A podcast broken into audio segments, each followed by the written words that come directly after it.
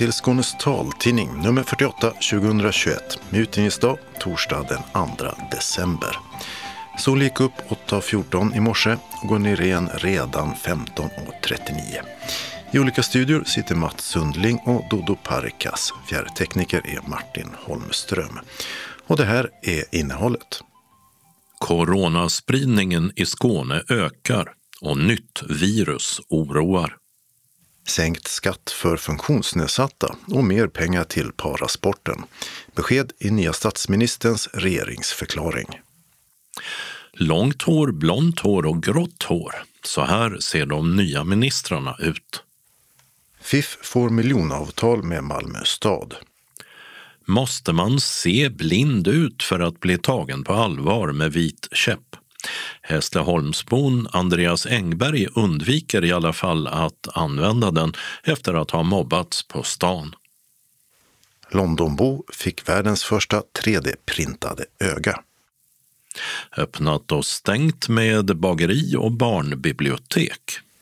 Inställda konserter och en resa till Sydafrika.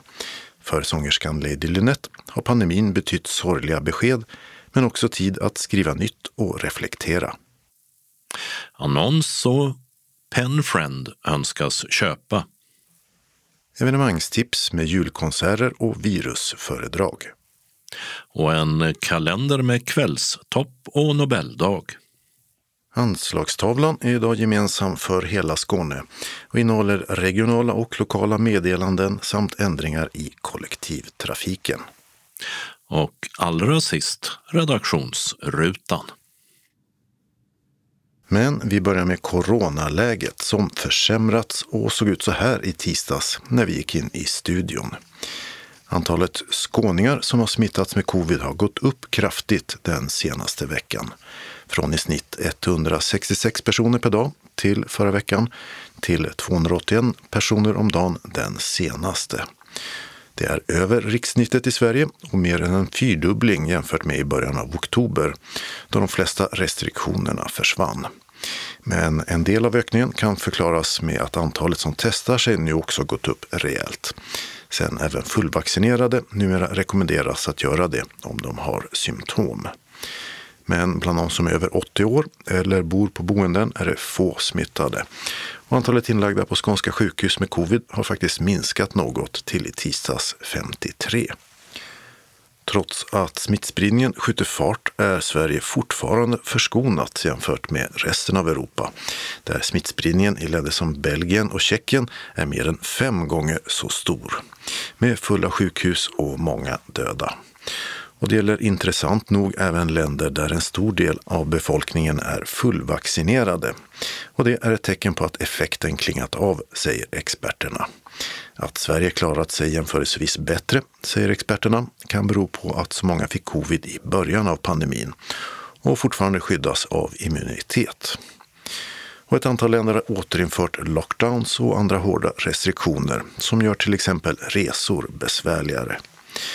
I förra veckan upptäckte sydafrikanska forskare dessutom en ny, kraftigt muterad variant av viruset som fått namnet omikron och som enligt Världshälsoorganisationen och andra kan vara både mer smittsam än tidigare varianter och dessutom så förändrad att vacciner inte längre har effekt. Men om så verkligen är fallet har ännu inte klarlagts. Det kan ta en vecka eller två till, tror man. Och hittills har, vad vi kunnat se, ingen blivit svårt sjuk.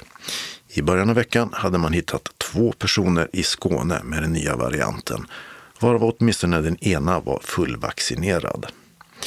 Smittskydd Skåne med flera upprepar nu att det är viktigt att stanna hemma och testa sig vid symptom. Och detsamma gäller de som delar hushåll med någon som har bekräftad covid. Samt att vaccinera sig, något som är möjligt för alla som fyllt 12 år.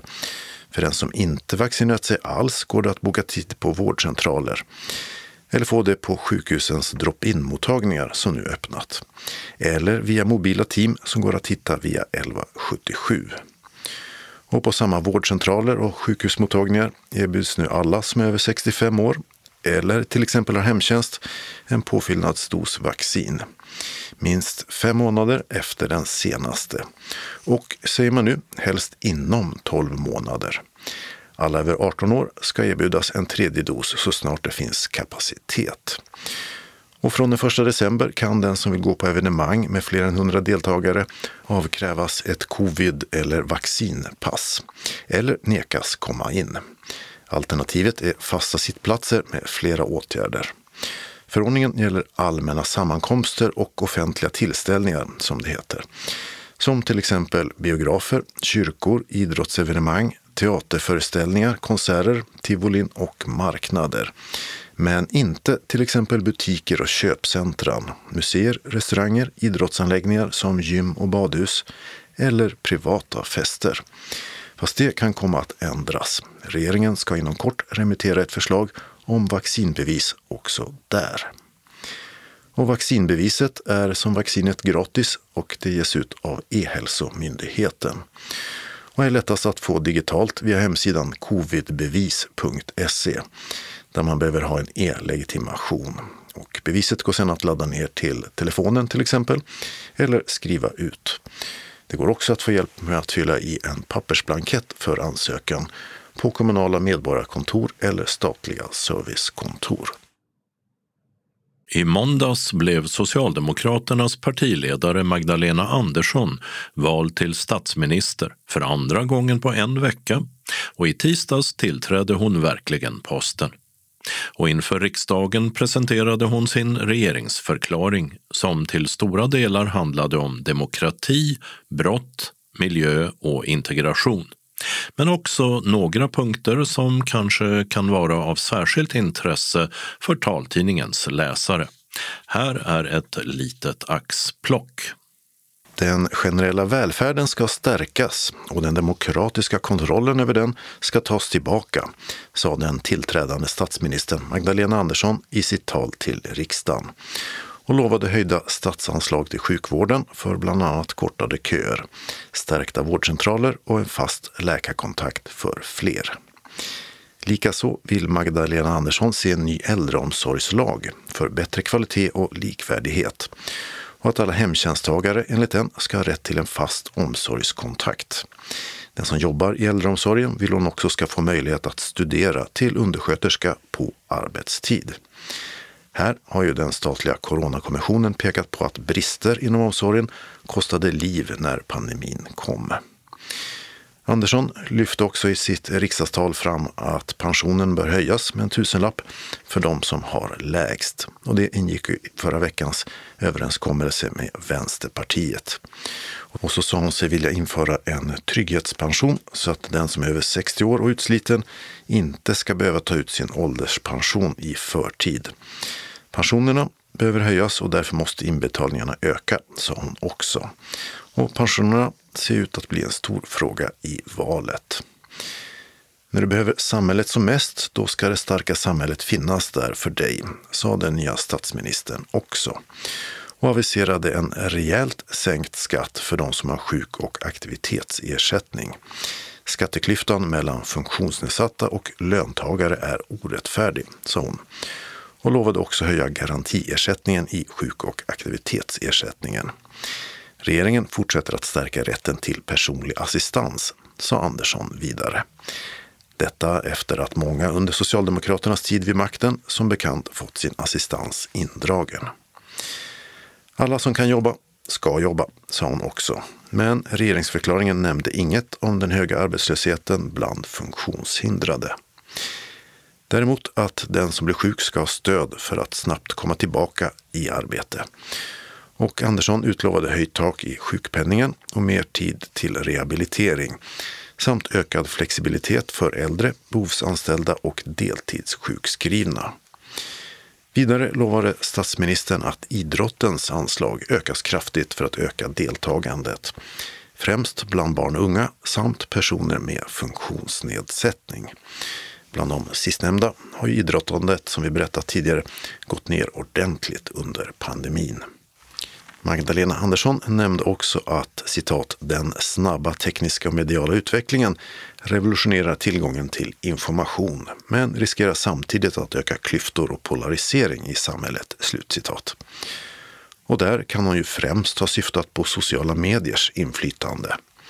Men också synskadades tillgång till information på lika villkor. Som vi berättat tidigare är det också något som Myndigheten för tillgängliga medier utrett och kommit med en rad förslag om som väntar på regeringens godkännande.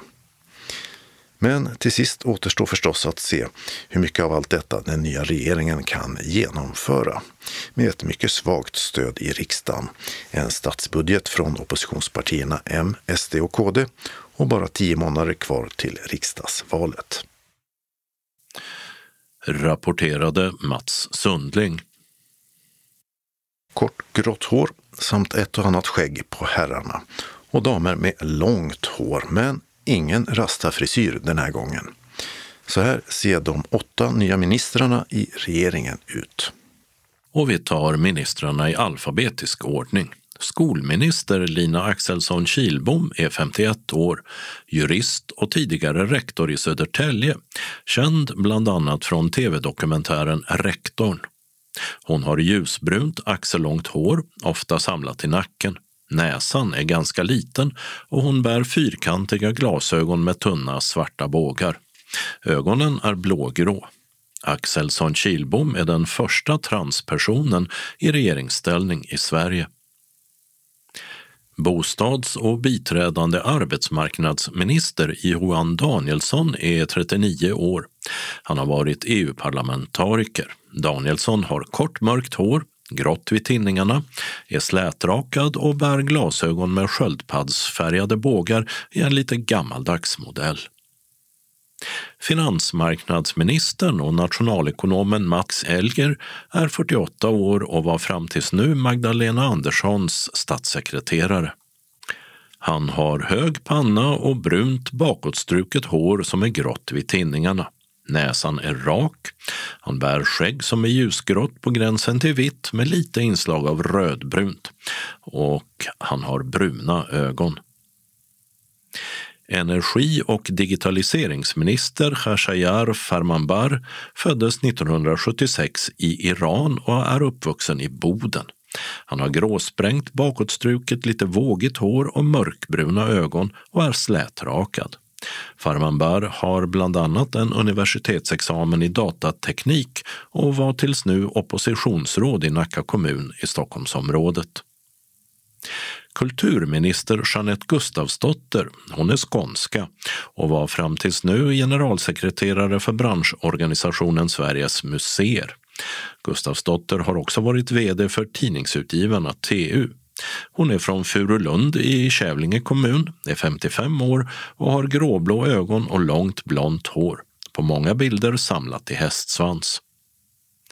Civilminister Ida Karkiainen är statsvetare, föddes 1988, kommer från Tornedalen och är riksdagsledamot för Norrbotten. Hon har långt mörkbrunt hår som hon ofta verkar bära utslaget samt blå ögon och en ganska liten näsa. Landsbygdsministern heter Anna-Karin Säterberg, 57 år.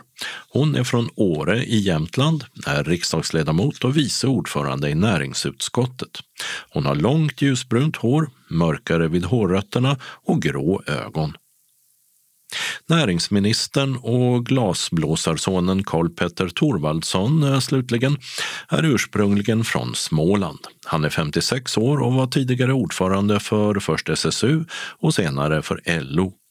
Thorvaldsson har gråsprängt kortklippt hår på sidorna och i nacken medan gässan är kal. Han är ganska kraftig, har grått skägg och bakom rätt så stora fyrkantiga glasögon med tunna svarta bågar så finns ett par gråblå eller blå ögon. På bilder syns han ofta i en färgglad slips till diskretare kostymer. Och det var Dodo Parikas som beskrev de nya ansiktena i Sveriges nya regering. Parasportföreningen FIF får 1,1 miljoner kronor av Malmö stad för att öka förståelsen mellan funktionsnedsatta och de som tar beslut om deras vardag. Och för att fortsätta med Rullstolsakademin föreningen tidigare fått bidrag från Region Skåne för. I det så kallade idéburna offentliga partnerskapet åtar sig FIF att vidareutbilda kommunens fysio och arbetsterapeuter som förskriver hjälpmedel och andra som arbetar inom rehabilitering och LSS. Avtalet gäller under 2022 och 2023. FIF i Malmö är landets största parasportförening och har 15 anställda, 40 till 50 ideellt arbetande idrottsledare och tusentalet medlemmar. För fem år sedan träffade vi Andreas Engberg i Hässleholm. Då var han nyss hemkommen efter ett år i London dit han åkte efter att ha fått en grav synnedsättning. Den tidigare urmakaren hade fått lägga om sitt liv totalt. Nu har ytterligare fem år gått och vi åkte tillbaka till Hässleholm för att höra hur det gått för den nu 38-åriga Andreas som, visade sig, sällan använde sin vita käpp och som nyligen blivit pappa. Det är nästan, eh, nästan lika långt till uh, mitt nya hem som det var förra gången. Så nu bor du inte med mamma och pappa? Nej, precis. Jag bor i egen lägenhet nu.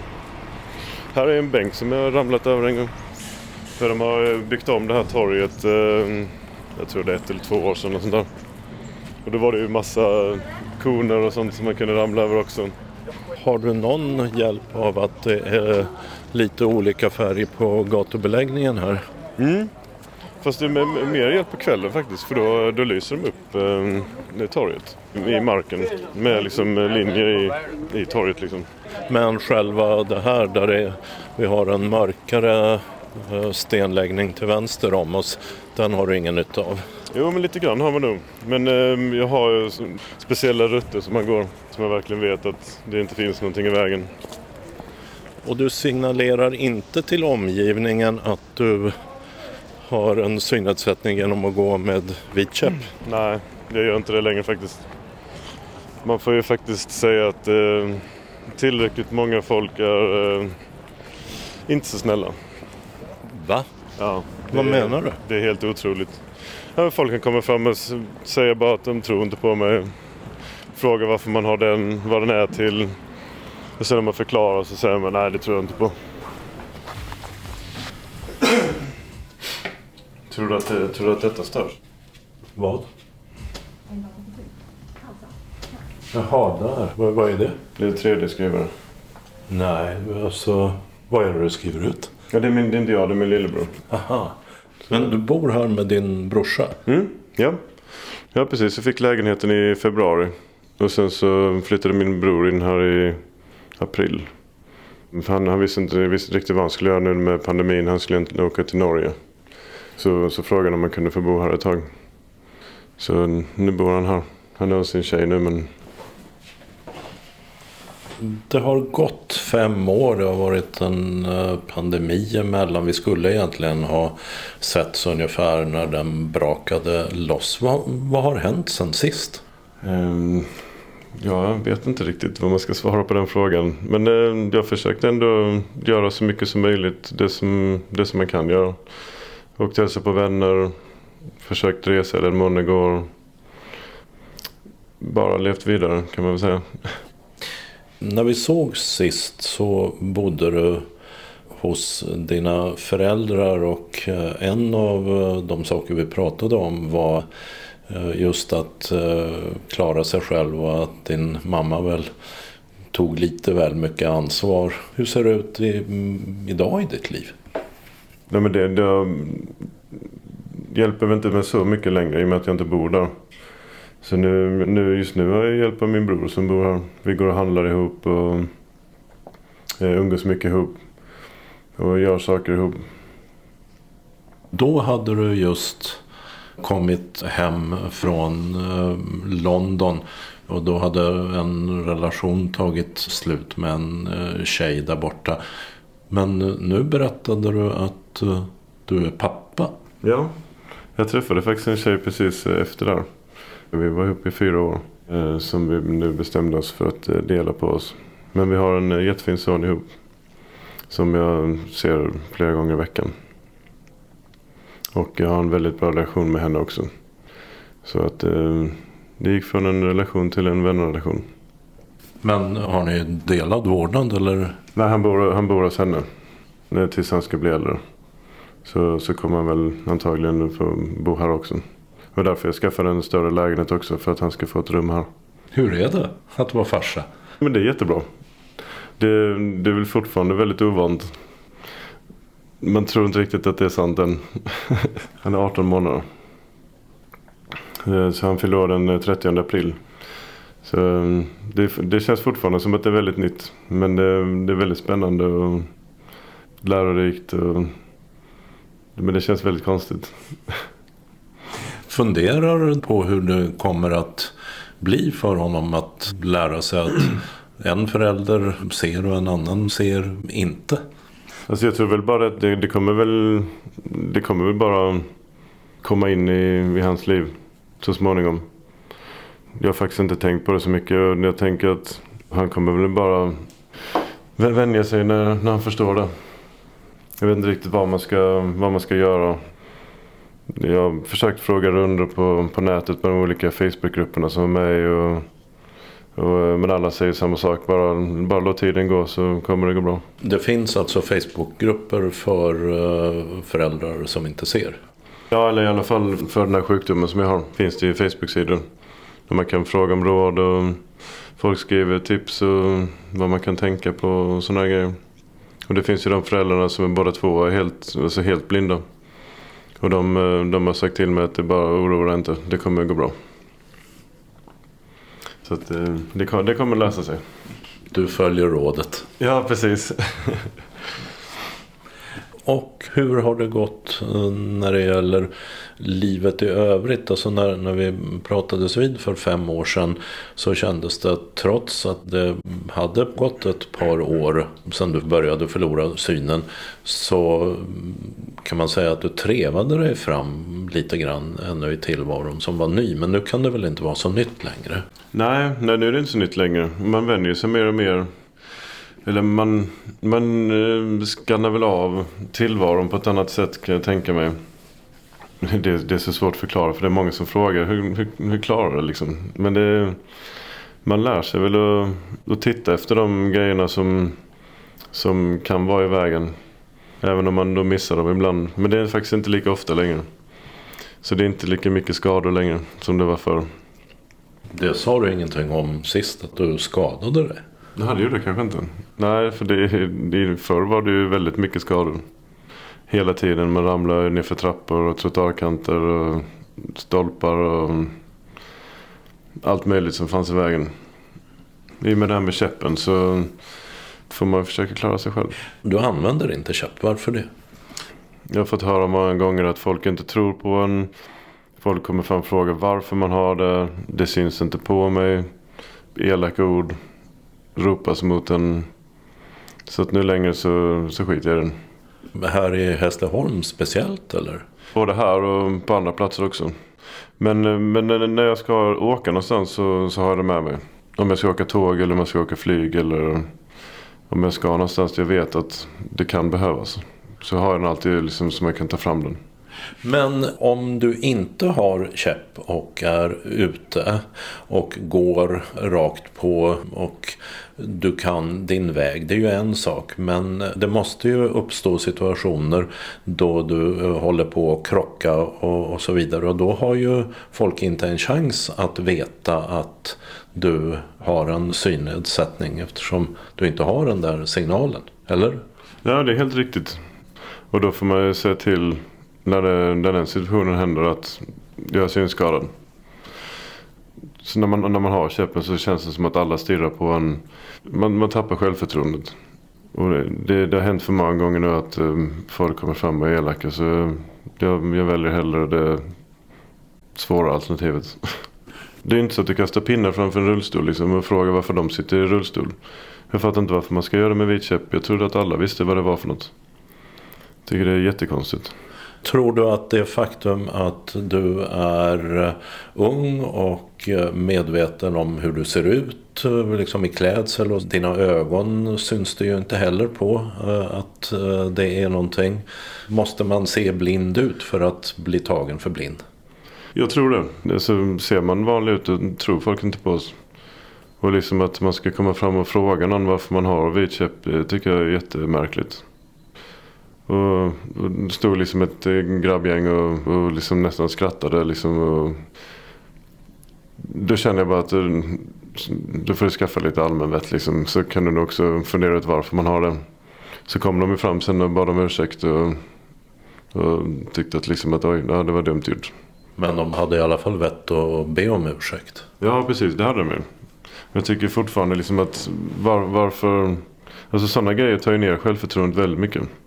Men du berättade förra gången om att du reste mycket. Du åkte till musikfestivaler. Ja, det har inte gått att göra under pandemin. Men hur är det i de sammanhangen just när det gäller att eh, använda käpp? Det är väl samma sak där egentligen. Att eh, man har det med sig. Och om det skulle komma tillfälle när, när det skulle behövas så kan man bara ta fram den. För att det, just på sådana ställen så känns det inte som att det är så många som bryr sig egentligen. Om, liksom, om att, eh, att det är något fel på en om man säger så. Du säger att det är något fel på en. Är det så du ser på det? Ja, men alltså att man inte klarar sig själv. Kan man säga inte något fel på en. Eller ja, det är det väl egentligen. I och med att eh, ögonen inte funkar. Tycker jag. Men eh, annars så tycker jag att det, folk tycker bara att det är imponerande att man eh, är där överhuvudtaget. Så det, det tycker jag är väldigt roligt. Jag har ju alltid, eh, alltid en person med mig. För jag får ju alltid en ledsagarbiljett till alla festivaler och evenemang som jag går på. När vi använde inslaget om dig så hade vi en påannons till den som handlade om att just resandet och, festivalerna var det som eh, fick dig att hitta tillbaka till tillvaron efter synskadan. Men hur har det varit under pandemin då? Då har du ju inte kunnat gå på festivaler. Nej, det har jag inte kunnat göra. Så det har varit eh, två långa år nu. Men eh, nu har det faktiskt börjat komma igång igen. I augusti här så var jag med en vän till, eh, till Ibiza. Vi har varit där många gånger innan. Men, eh, men nu så fick man åka tillbaka dit igen. Men det var ju, det var ju nedstängt nästan allting. Men som sagt det börjar komma igång lite igen nu så man kanske kan börja hitta på någonting. Nu när man har fått eh, vaccin också så kan man ju resa lite lättare utan, utan alla tester. Och...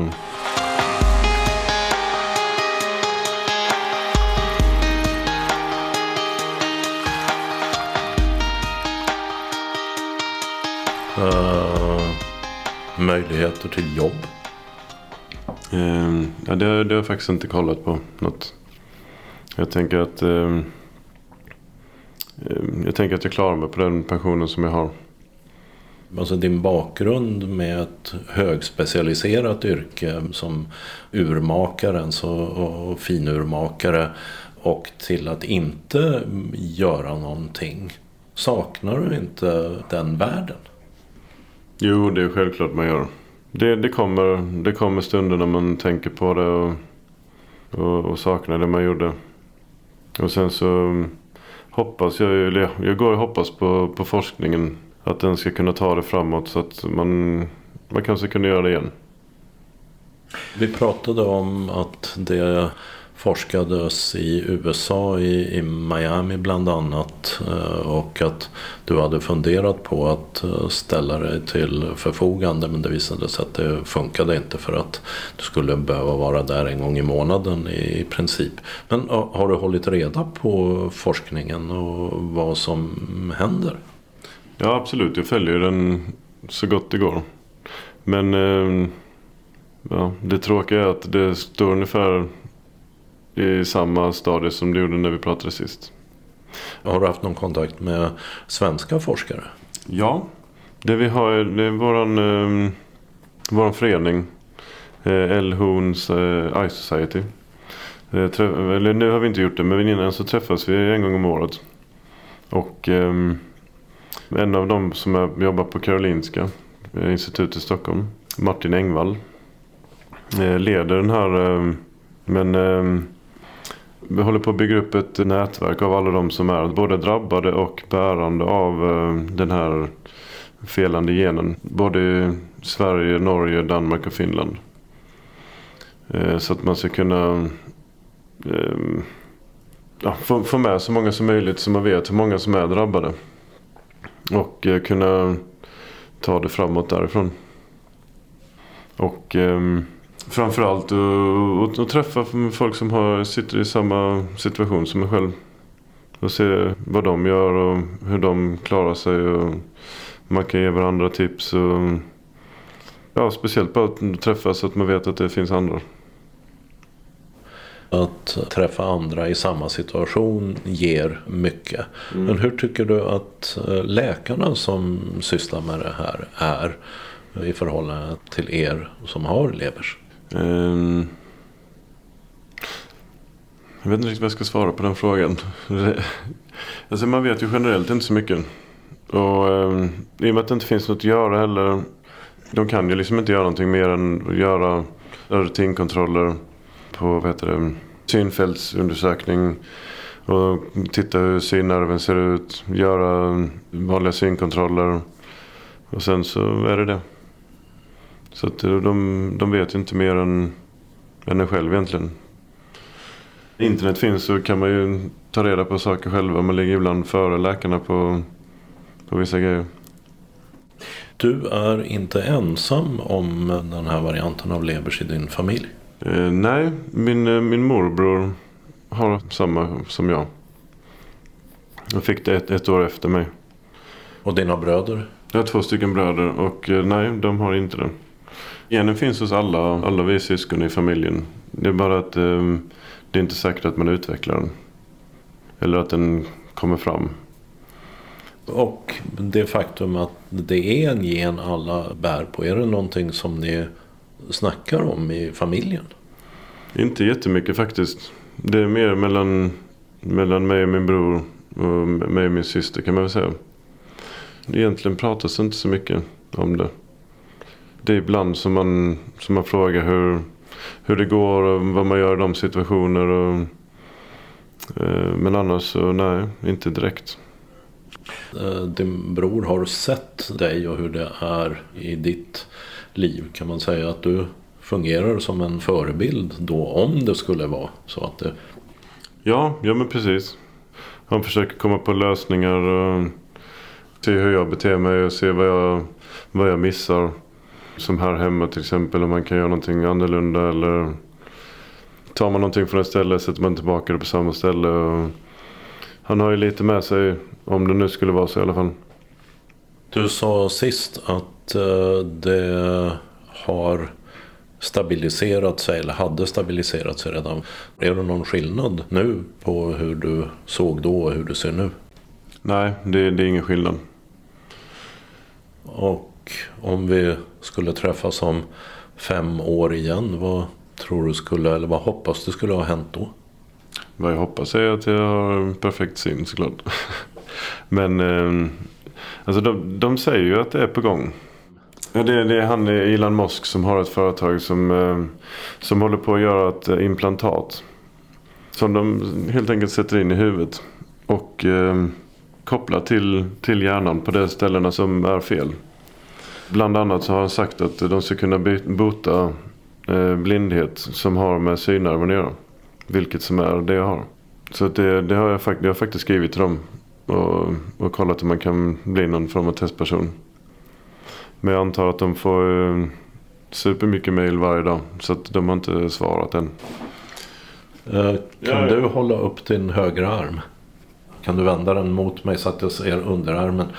Think positive, die disappointed står det. Tänk positivt, dö. Besviken.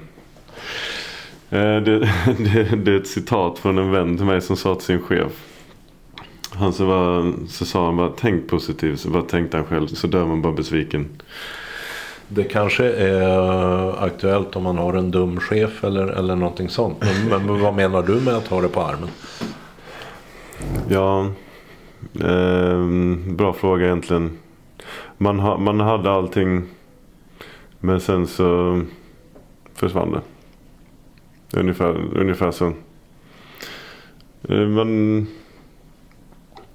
inte, inte ta saker för givet. Det, det, det är vad jag tycker egentligen. Att den ska betyda. Det sa Andreas Engberg i Hässleholm. Och den sjukdom han har heter Lebers hereditära opticus neuropati. I löpsedeln på vår hemsida finns en länk till den första intervjun med Andreas från 2016. Reporter var Dodo Parikas. Britten Steve Wurz är först i världen med att få ett helt 3D-printat öga. Det säger Moorfields Eye Hospital i London som står bakom projektet. De hoppas att ögat ska vara mer realistiskt än de ögonproteser som används idag. En annan fördel är att de går mycket snabbare att tillverka än traditionella proteser i akryl som är handmålade. För de tar hela processen med avgjutning av ögonhålan, utprovning och tillverkning cirka sex veckor. De 3D-printade hälften så lång tid. Stevers har haft en ögonprotes sedan han var 20 år gammal, mer än halva livet. När jag går hemifrån så slänger jag ofta en blick i spegeln och jag har inte gillat vad jag sett, men det nya ögat ser fantastiskt ut, säger han till brittiska BBC. Nu ska det 3D-printade ögat ut på kliniska försök och på Moorfields ögonsjukhus hoppas man att de kommer att visa på att de är värdefulla för patienterna och att de i framtiden kan komma att korta väntetiderna för ögonproteser rejält. Öppnat och stängt. I Anderslöv är biblioteket stängt till och med den 10 januari på grund av flytt till familjens hus i de lokaler där Tysells möbler höll till förr. Där ska det också bli vårdcentral, vårdboende och förskola. I Malmö har ett nytt barnbibliotek öppnat i Stadsarkivet på Bergsgatan 20. Det riktar sig till barn upp till 12 år och heter Tidsmaskinen. Vilket ska anspela på resan man gör i tid och rum när man läser och så på att biblioteket ligger i arkivet med hela Malmös historia. Biblioteket har öppet måndag till fredag 10 till 18 och lördag 10 till 15. I Malmö har kafékedjan och bageriet Gateau öppnat på Södra Förstadsgatan 10 i hörnet till Storgatan. De är öppet måndag till fredag 6.30 till 19 och lördag söndag 7.30 till 18. I Lund har det nya området Brunnshög fått ett nytt matställe, Kantin kallat, på Brunnshögsgatan 14. Till att börja med är det lunchservering mellan 11 och 16, måndag till fredag. Under pandemin har vi vid flera tillfällen intervjuat personer med synnedsättning om en vardag som på olika sätt blivit annorlunda. Och en yrkesgrupp som påverkats mycket är kulturarbetare med många inställda evenemang. Sångerskan Linette Kojana Bjärstedt med artistnamnet Lady Linette. Hon har fått flera konserter flyttade eller inställda. Och även i privatlivet har coronapandemin påverkat henne och hennes sydafrikanska släkt mycket. Men för första gången på länge har hon nu en turné i Blekinge med Blekinge Big Band. Och den första konserten har precis ägt rum när vi träffar henne i hemmet i Malmö. Den här lilla turnén skulle ha varit för ett år sedan. Men eh, blev inte av. Eh, så sen har det varit eh, mycket, mycket stiltje. Hur var det att komma ut då på spelning och ha Blekinge Big Band som spelade och, och du sjöng då? Det var jättehärligt. Man kände sig ju rostig såklart. Men eh, jag tror att man fick extra energi just för att det inte har varit möjligt in på så länge. Bandet var väldigt spelsugna.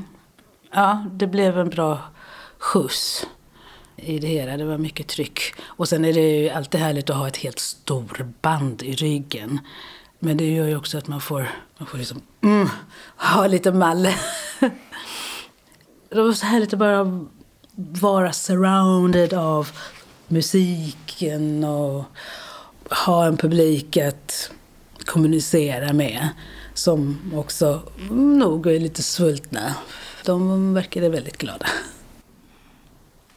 Och eh, nu när du var med storband och så, Hur påverkar din synskada där när du ska uppträda med ett stort band? Det är många sladdar och grejer att hålla reda på antar jag. Ja, man får ju verkligen försöka reka in sig innan. Det var lite jobbigt för att det var ingången, trösklar och trappsteg och sånt där. Så där fick jag känna mig fram och öva och vara beredd i kulissen. Problemet är att jag har ju svårt att bara stå stilla på den plats som jag har blivit tilldelad. Först så står man ju där, sen kommer man igång och bandet kommer igång. Och då vill jag gärna ta tag i micken och vara ute och röra på mig. Jag höll på att snubbla över monitorn. Men nu måste jag nog kanske lugna ner mig. Så att det inte blir några konstiga, konstiga olyckor. Under eh, pandemin, annars vad har du gjort för någonting när spelningar inte har blivit av och har skjutits på framtiden och så vidare? Mest har jag väl gått och hållit mig till restriktionerna.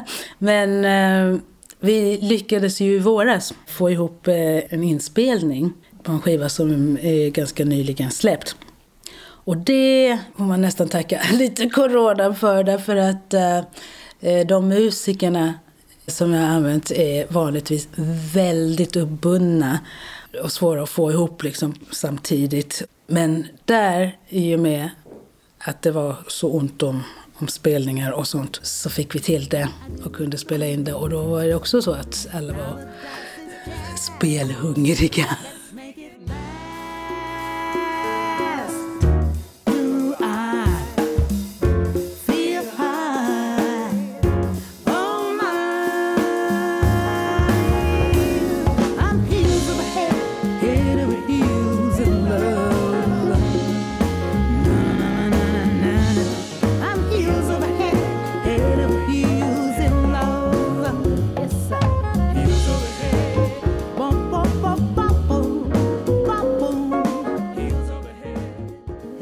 Från det nyss släppta digitala albumet Lots of Love, Lady Lynette, kommer den här svängiga låten Hills Overhead. Och albumet består av tio låtar. Någon har tillkommit eh, under, men det, det mesta fanns. Och sen är det några covers också. Som Skylark till exempel, det är en mycket gammal standard. Och sen eh, på albumet så är det en som har en titel som är omöjlig nästan att uttala, eh, men som låter väldigt rytmisk. Kan du säga vad den heter? Ja! Gugula Batembo Namashubi. Och vad betyder det? Det var den som tillkom eh, under nu pandemin. Därför att eh, jag hade faktiskt varit i, i Sydafrika eh, för att begrava min far som togs av pandemin. Det var en märklig upplevelse. Men, eh, men sen när vi kom hem så så har jag en eh, kusin som vi umgicks mycket med. Och ett av hennes förnamn är hela det. Gugu Labatembo Namashubi. Men hon kallas för Gugu. Och eh, när vi kom hem så höll min man på att försöka, han ville verkligen lära sig säga det där. Så han gick omkring här och, och Gugu Labatembo klubbig för att mata in det. Och då kände jag, men det där svänger ju. Då fick jag en, en tanke. Så nästa dag så sa jag till honom, kom till pianot och spela så här. Babu, babu, babu, men varför då? Nej, bara gör det. Och utifrån det så utvecklades den här låten.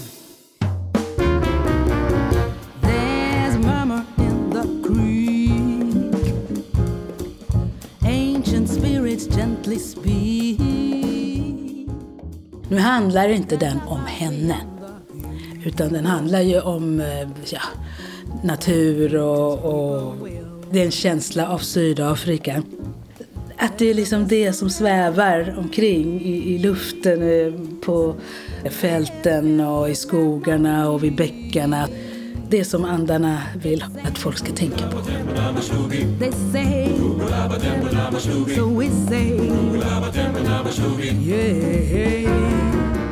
Och det här att komma till Sydafrika under eh, coronan, under så tråkiga omständigheter. Vad, Hur var det? Ja, det var ju väldigt märkligt. Eh, först visste vi inte om vi ens skulle lyckas åka. Och där nere har de så att eh, det går väldigt fort mellan död och begravning, oftast. Och särskilt nu under eh, covid. Och det var ju lockdown på många sätt. Man fick inte vara ute efter klockan nio på kvällen. Och mask var ju, ansiktsmask var ju eh, obligatoriskt. Och det hade vi ingenting emot, men vi körde mask och visir för liksom dubbelt skydd. Men hellre det än att eh, ja, vara lättvindig. Hur funkar det när man eh, har en synnedsättning som du har och har både liksom, eh, har ett visir framför sig förutom att man ser dåligt? Det är extra jobbigt, såklart. Det, det, det är ju genomskinligt men det är ju ändå någonting i vägen och så immar det till ibland eller så. Eh, där var det ju väldigt varmt så att det blev ju gärna immigt. Men på själva begravningen, de var väldigt noga med att inte, folk skulle, som inte hörde ihop liksom skulle sitta isär. Och så, så att då kunde man lyfta på det när man väl hade satt sig och bara lyssnade och så. Men det var så bråttom då, så först skulle det göras tester här och det ska vara 72 timmar innan. Och hinner man boka, alltså det var väldigt rörigt. Men ibland är, det så att man bara ska göra det här. Men det kändes skönt att ändå kunna komma ner, även om det var en pandemin, till din fars begravning? Det kändes viktigt att göra det. Det var absolut inget så här, eh, massa umgänge. Det var allting och var fokus på, på begravningen som skulle vara några dagar efter att vi hade landat. Jag visste inte ens om vi skulle hinna med den, för ibland går det mindre än en vecka just nu för att de vill få bort just eh, coronadöda så fort som möjligt. Hur är situationen annars i Sydafrika och hur var det när du var där? Var det många som eh, dog på grund av corona som din far gjorde? Ja, tyvärr var det det. Släkten har ju decimerats ganska duktigt. Eh, de har blivit väldigt bra på virtuella begravningar. På min fars så kom ju inte hälften av så många som man hade tänkt sig. Det hade blivit väldigt stort annars. Det sändes på Youtube och eh, de som inte kunde komma men ändå ville ha någonting sagt fanns på skärm. Programmet flöt på förvånansvärt bra, så det har de blivit bra på. Och sen dess har jag nog varit på ja, ett antal sådana virtuella någon auntie, någon moster, någon, någon kusin. Och det är alla åldrar. Det är det som är så hemskt. Alltså, kusinen var väl, jag vet inte ens om han var 50. Så att eh, det har varit hårt. Men hade du själv hunnit bli vaccinerad när du åkte ner där då? Nej. Det var december, januari, årsskiftet. Det var ju flera månader senare som vi blev kallade till första vaccinationen. Var du rädd när du åkte ner dit då? För att bli sjuk? Alltså, jag tänkte vi skyddar oss så mycket vi kan. Jag hann inte. Det var så mycket fokus på att jag måste dit. Och det var en del andra rutiner för att inte sprida smittan vidare mot i Sverige. Lynette berättar att när de gick in i kyrkan så fick man först gå till en station där de tog tempen på alla som kom och sen noggrant noterade namn och vilken temperatur de hade. Och när de sen var på besök hos en släkting så var det en annan ritual som skulle genomföras. Min moster som vi bodde nära och, och åt hos och så, de hade en ritual. Så varje gång man skulle in så fick man stå eh, i dörren och först vända ryggen till och så sprayade de en med någonting, något medel. Och under fötterna, upp med fötterna, så sprayade de under fötterna. Och sen så vände man sig framåt, ut med armarna. Och så sprayade de. Och sen fick man komma in. Vad var det de sprayade dig med? Jag vill inte veta. Men du blev inte smittad i alla fall? Blev inte det. Nu framåt, när du då har börjat att komma igång lite och du har en turné som pågår i Blekinge och så. Känns det som att, att nu kommer det att bli en hel del, eller hur tycker du?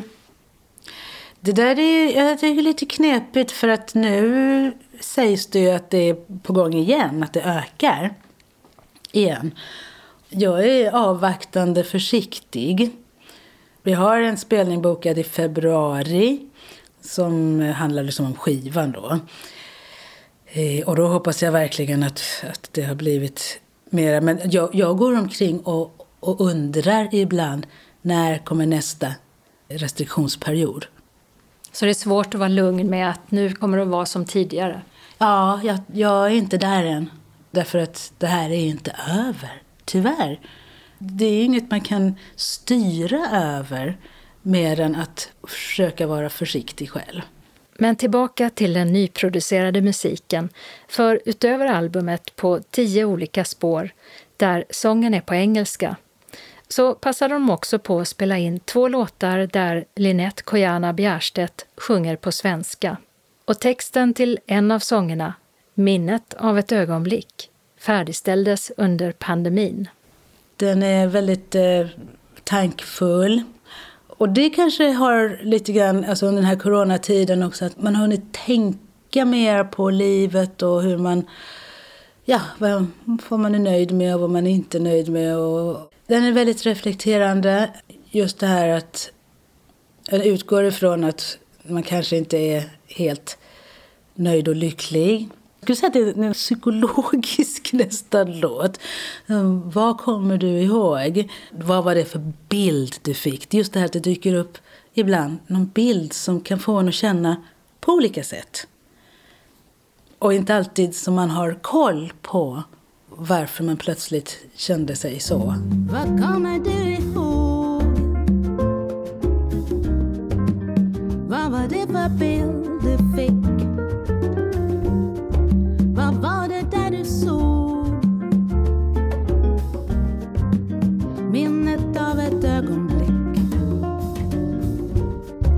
Vad kommer du ihåg?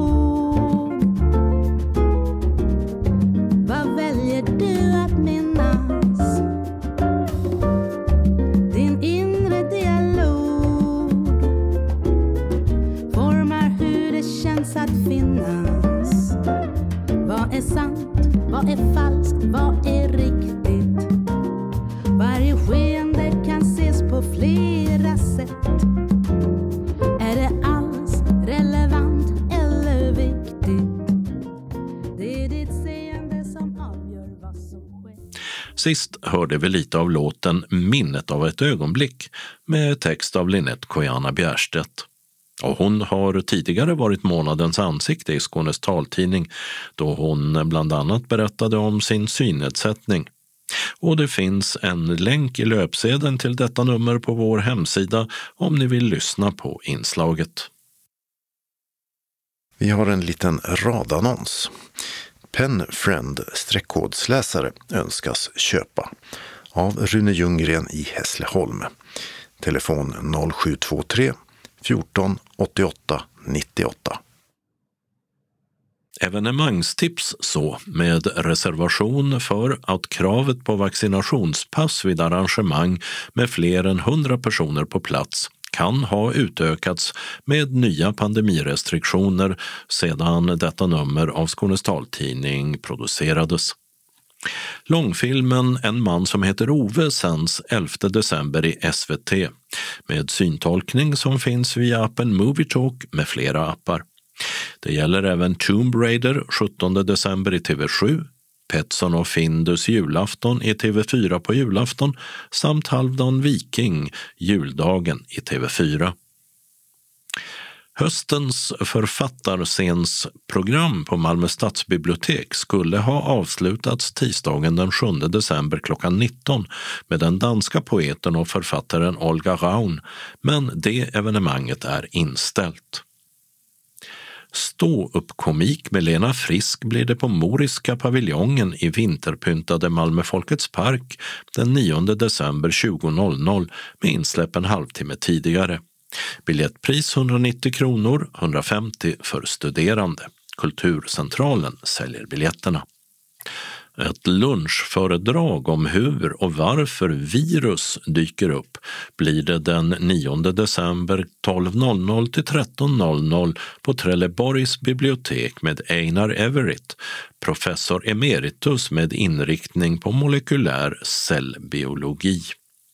Och det kommer bland annat att handla om coronavirus. Det är fri entré och biblioteket nås på telefon 0410 73 31 80. Äldre julmusik på 1500-talsinstrument blir det på en konsert för barn mellan 1 och 5 år 11 december 14 till 14.35 på Parken kultur och konferenscenter i Trelleborg. Biljettförsäljning på Trelleborgs bibliotek. Pris 60 kronor, 40 med TAs lustkort. Nyare typer av musikinstrument spelas det på när det blir nostalgisk rockshow med The Cadillac Band och Janne Lukas Persson med flera artister på Östra Ljungby bygdegård lördag 11 december 19.00. Biljettbokning telefon 0702 78 67 77. Pris 325 kronor, 150 för unga mellan 10 och 15. Adress Gamla vägen 29 i Östra Ljungby i Klippans kommun. Musik man vill spela innan man dör eller Beethovens violinsonater är titeln på en konsert på Palladium i Malmö 12 december 15.00 till 16.15 med Ylva Larsdotter och Anna Kristensson. Kulturcentralen säljer biljetter för 200 kronor. Studenter betalar 100. Julkonserten Christmas Night på Helsingborgs konserthus 15 december klockan 19 bjuder på både återseenden och nykomlingar bland artisterna. Victoria, Sonja Aldén, Bruno Mitsogiannis och Johan Boding. Biljetter 695 kronor och det börjar bli ont om dem. Fröken Elvis jul, igen med Elvis bästa låtar på svenska varvat med bandets egna julpärlor i svängiga arrangemang blir det i Stora salen, Kulturkvarteret i Kristianstad 15 december klockan 19. Biljetterna kostar 445 kronor och konserten varar två timmar. Caféet och bistron på Kulturkvarteret öppnar två timmar tidigare. Biljettinformation Kulturcentralen telefon 040 10 30 20. Ticketmaster 077 170 70 70. Ängelholms turistcenter 0431 821 30. Julius 0775 700 400. Nortic 0455 61 97 00. Visit Lund, tidigare Biljettbyrån 046 13 14 15. Malmö Live 040 34 35 00. Helsingborgs konserthus 042 10 42 80. Dunkers biljettbyrå 042 10 74 00. Eventim 0771 65 10 00. Kulturkvarteret i Kristianstad 0709 20 58 04 eller via Coop Galleria Boulevard 010 747 22 72. Kalendern för årets 49 vecka tar sin början måndag 6 december då det är Nikolaus och Niklas som har namnsdag. Detta datum 1917 förklarade sig storfurstendömet Finland självständigt från Ryssland där tsardömet störtats och därför firas självständighetsdag i Finland vilket i praktiken är landets nationaldag. Samma dag för hundra år sedan avslutades det irländska frihetskriget och ett avtal slöts mellan Storbritannien och irländska representanter vilket gjorde Irland självständigt från Förenade kungadömet. Men än var Irland en autonom del av det brittiska imperiet varpå det utbröt inbördeskrig på Irland mellan avtalsanhängare och motståndare. Kvällstoppen hette ett populärt topplisteprogram i Sveriges Radio på 1960 och 70-talet. Det leddes av radioprofilen och journalisten Kersti Adams-Ray. Kvällstoppen är borta sedan länge, men Kersti Adams-Ray hon fyller nu 80 år. Och en skånsk jubilar är 95-åriga Trelleborgs FF, fotbollsklubben som bildades detta datum 1926. Tisdag den 7 december är Angelicas och Angelas namnsdag. På dagen 80 år tidigare anföll japanerna den amerikanska flottbasen i Pearl Harbor i Hawaii, vilket dagen därpå drog in USA i det pågående andra världskriget i och med USAs krigsförklaring mot Japan, varpå Adolf Hitler förklarade krig mot USA. Onsdag 18 december är det Virginia som har namnsdag. Torsdag den 9 december är Annas namnsdag och en lämplig dag för julförberedande aktiviteter, nämligen avsmakning av julölet och att uppmärksamma pepparkakans dag. Och på dagen för 15 år sedan for den första svensken ut i världsrymden, nämligen partikelfysikern Christer Fuglesang som befann sig ombord på rymdfärjan Discovery. 2009 gjorde han ytterligare en rymdtur. Den mångsidige Fuglesang är också författare till en rad barnböcker, flera av dem med just rymdtema. Och till den självbiografiska boken 13 dygn i rymden efter 14 år på jorden och alla de här böckerna finns som talbok med text. Fredagen den 10 december infaller Malin som Alenas namnsdag.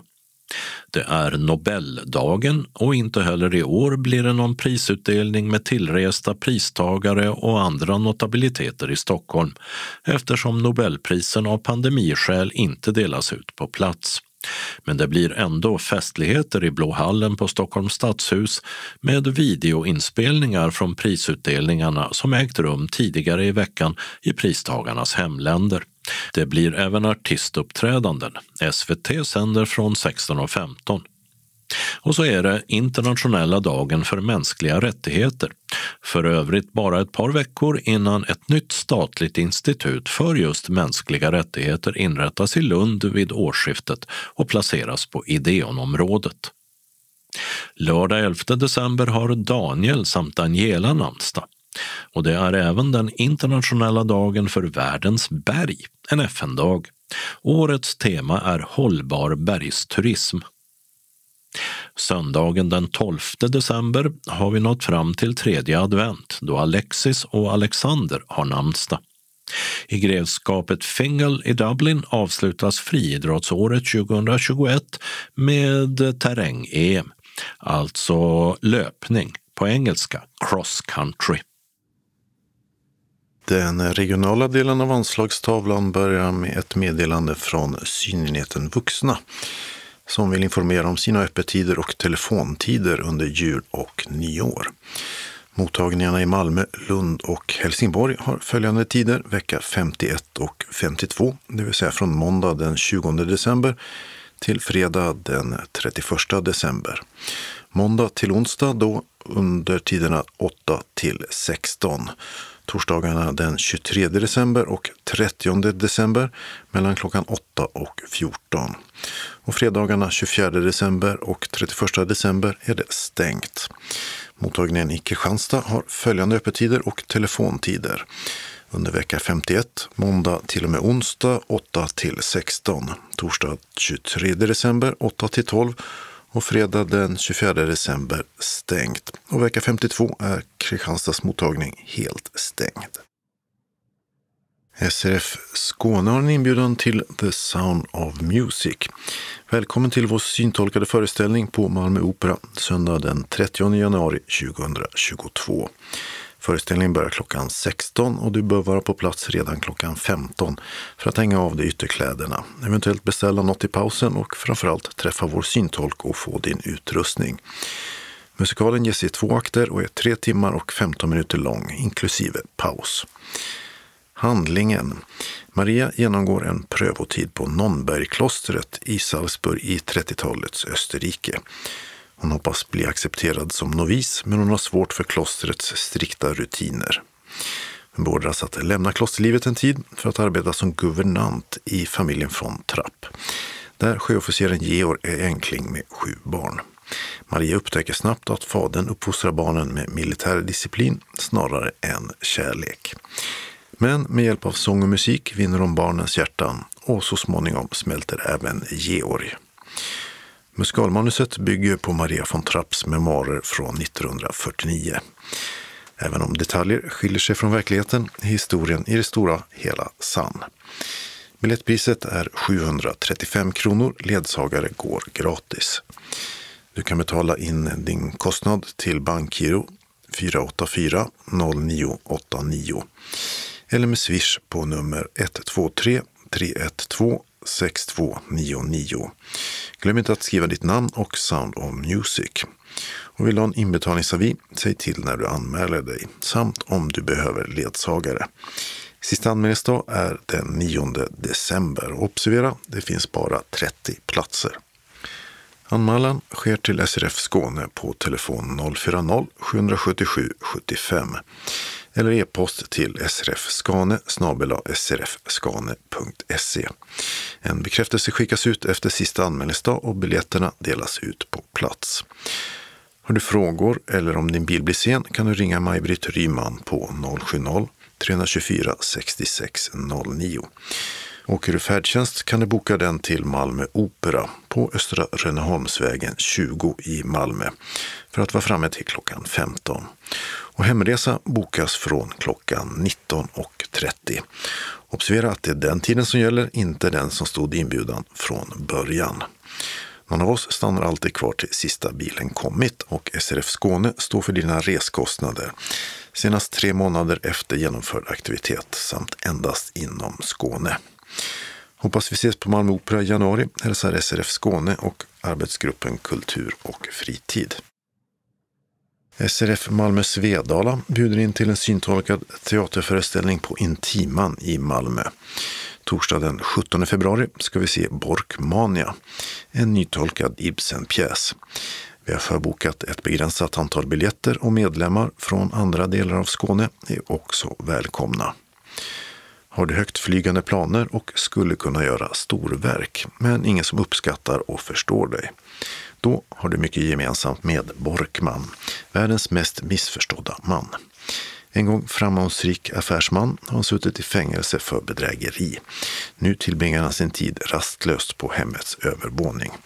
Han är besatt av drömmen att göra comeback. På nedervåningen tänker hans bittra fru Gunhild på upprättelse av släktens sociala position.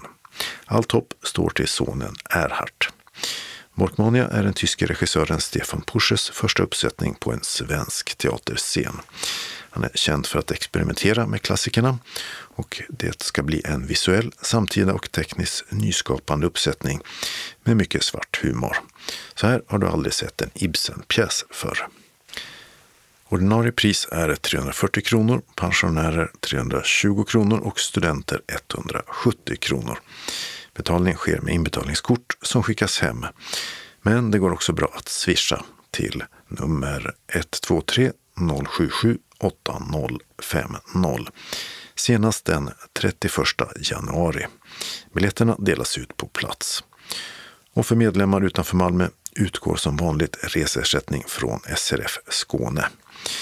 Anmäl dig till kansliet på telefon 040-25 05 40 eller via e-post info srfmalmo.se senast torsdag den 13 januari.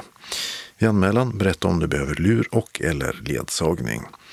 Samling den 17 februari klockan 18.15 på Intiman på Östra Rönneholmsvägen 22 i Malmö. Föreställningen börjar klockan 19. Om ni skulle ha frågor innan föreställningen så kan ni ringa 070-324 6609. Hjärtligt välkomna önskar styrelsen. Den lokala delen av anslagstavlan är idag gemensam för hela Skåne. Och börjar med ett par inbjudningar från SRF Lundabygden. Först till glöggafton och filmtime. Det lackar mot jul och då kan det vara skönt att komma bort från julstressen och in i värmen i föreningslokalen. Vi kommer att bjuda på en syntolkad filmvisning i källaren. Där du även bjuds på en smörgås med julskinka och lite glögg. Detta onsdag den 15 december klockan 18 till 21 i föreningslokalen på Tordensvägen 4 i Lund. Din anmälan behöver vi ha senast den 8 december. Avgiften blir 50 kronor. Välkommen! SRF Lundabygden har också en julfest den 18 december som är en lördag. Den traditionella julfesten blir i år på restaurang Gamla Franska i Lund. Där vi välkomnas med rykande varm glögg och pepparkakor. Så nu bjuds in till en klassisk julmiddag på restaurangen. Vi kommer att serveras en privat bordsbuffé i tre serveringar. En kall, en varm och en dessert. Vi slipper därför köbildning och trängsel. Detta lördag den 18 december klockan 16 till 20 i restaurang Gamla Franska i Saluhallen som har adressen Mårtenstorget 1 i Lund. Din anmälan behöver vi ha senast den 8 december. Avgiften blir 300 kronor exklusive dryck. Välkommen! SRF Malmö Svedala hälsar först välkommen till sin dagverksamhet. Måndag den 6 december klockan 13 till 15 blir det tidningsläsning och eller frågesport. Och tisdag den 7 13 till 15.15 15 blir det bingo. Kaffe och smörgås eller kaka kostar 10 kronor. Och vi vill att alla anmäler sig till kansliet om man tänker komma senast klockan 10 samma dag. Känner man sig sjuk så stannar man hemma. SRF Malmö Svedala hälsar också att på onsdag den 8 december kommer vi att byta till en ny telefonväxel och det kommer då att vara svårt att komma fram till oss på kansliet. Vi hoppas att ni har överseende med detta och ni är välkomna att ringa dagen efter på samma nummer 040-25 05 40. Hälsar kansliet för SRF Malmö Svedala.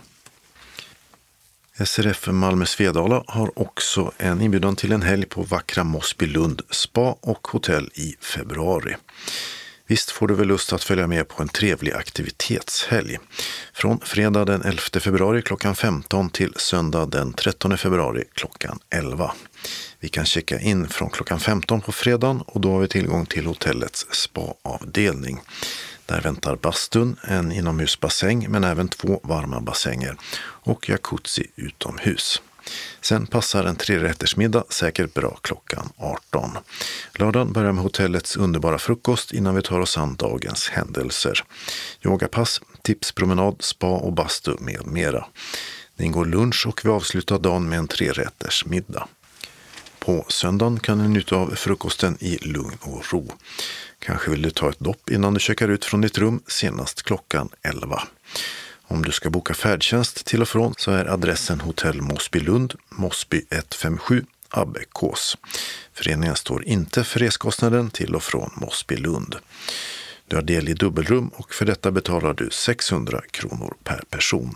Deltagaravgiften betalas till Bankgiro 192 96 45 eller via Swish till 123 077 8050 senast den 31 januari 2022. Vill man ha inbetalningskort så meddelar man det vid anmälan.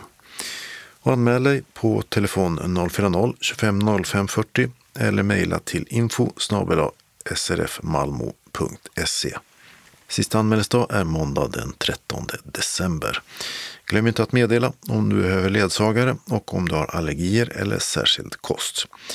Vi har ett begränsat antal platser så det är först till kvarn som gäller. Har du frågor kan du ringa Maj-Britt Ryman på 070-324 6609. Välkomna önskar styrelsen. SRF Västra Skåne bjuder först in till onsdagsträffens julavslutning. Den 8 december klockan 13 till 15.30 i SRFs lokal på Vaktgatan 3 i Helsingborg. Idag blir det julavslutning med bingo. Fikavgiften är 30 kronor och bingobrickorna kostar 10. Och om du vill vara med i julklappslotteriet ska du ha med en julklapp för max 50 kronor. Meddela att du kommer så att kansliet kan ordna med fika. Senast tisdag den 7 december klockan 12 till telefon 15 83 93 eller via e-post till srf.monica.telia.com. Välkommen! SRF Västra Skåne bjuder sen in till årets sista månadsmöte. Tisdag den 14 december klockan 14 till 15.14 14, i SRF-lokalen. Vi börjar med glögg och pepparkaka. Därefter blir det mötesförhandlingar, fika och besök av ett litet Lucia-tåg. Fikaavgiften är 30 kronor och anmäl dig till kansliet senast torsdag den 9 december klockan 12. Står du på den fasta listan behöver du bara meddela om du inte kommer eller inte ska fika. Välkommen! Vi avslutar med några tillfälliga ändringar i kollektivtrafiken och börjar med tågen. I Helsingborg C, för detta knutpunkten, blir det stopp för dem från lördag den 4 december klockan 22.05 till söndag den 5 klockan 6.05. Under natten är Öresundstågen mellan Landskrona och Ängelholm inställda. Liksom pågatågen mellan Helsingborg och Eslöv, Landskrona och Mörarp. Och mellan Malmö och Lund ska man arbeta på de nya spåren nästan samma tid. Från lördag klockan 23 till nu på söndag klockan 5 i 8. Och sen en gång till från söndag kväll 21.20 till måndag klockan 4.53. Under den tiden, eller de tiderna, är alla pågatåg och Öresundståg inställda mellan Malmö C och Lund C. Och vissa av dem också mellan Malmö Hyllie och Lund C. Under de tiderna stannar inte Öresundstågen till och från Helsingborg på Lund C. Bussar ska ersätta tågen. Så busstrafiken. I Simrishamn började man i veckan gräva vid Simrishamns station, läge A och B. Och regionbussarna 570, 571, 573 och Skåneexpressen 3 stannar på läge C och D istället, knappt 100 meter österut. Fram till den 6 december klockan 7. I Svedala har man förlängt ett broarbete som stängt en del av Kapellvägen som regionbuss 141 brukar åka på. Hållplatsen Prelatgatan är stängd och ersätts av en tillfällig på Hyltarpsvägen, cirka 300 meter österut. Stängd är också hållplatsen Svedala kyrka. Här finns den ordinarie hållplatsen Bökebergsgatan som alternativ, cirka 600 meter österut. Så ska det vara där till den 17 december klockan 15. Så till sist några tillfälliga ändringar i busstrafiken i Malmö. På Per Albin Hanssons väg har man börjat plantera träd vid hållplatsen Mobilia A. Och de som åker stadsbuss 7, 8 och 34 söderut får använda sig av en tillfällig stolpe 150 meter framåt i bussens färdriktning fram till den 10 december klockan 15. I södra Malmö har ett vägarbete på Rudbecksgatan dragit ut på tiden och stadsbuss 1 och 34 hållplatser som skulle ha öppnat i veckan fortsätter vara stängda till den 17 december klockan 15. Och det är Bellevuegården läge C, Gamlegård A och B samt Rydbecksgatan C och D. Och de ersätts också i fortsättningen av en tillfällig hållplats på Lorensborgsgatan strax norr om rondellen där Ärtholmsvägen korsar. Längre västerut ersätts hållplatserna Högstadsgatan A och B samt Bispgatan läge B och C. Och här är närmsta alternativ den ordinarie hållplatsen Västanväg läge B. Och den ligger några hundra meter västerut på den korsande Linnégatan. Och på Söderkullagatan i Malmö har ett annat arbete dragit ut på tiden och stadsbuss 2 hållplatser Söderkulla och Tornfalksgatan fortsätter ersättas av de tillfälliga på Munkategatan vi nämnt tidigare. Nu sägs allt vara som vanligt igen där den 22 december klockan 15. Och med de orden var det dags att sätta punkt för veckans Skånes taltidning. Nästa nummer nästa torsdag den 9 december. Skånes taltidning ges ut av Region Skånes psykiatri och habiliteringsförvaltning. Ansvarig utgivare är Martin Holmström. Postadress Jörgen Ankersgatan 12, 211 45 Malmö. Telefon 040 673 0970. E-post Skanes taltidning snabela skane.se och hemsida skanestaltidning.se. Vi hörs igen. Hej då!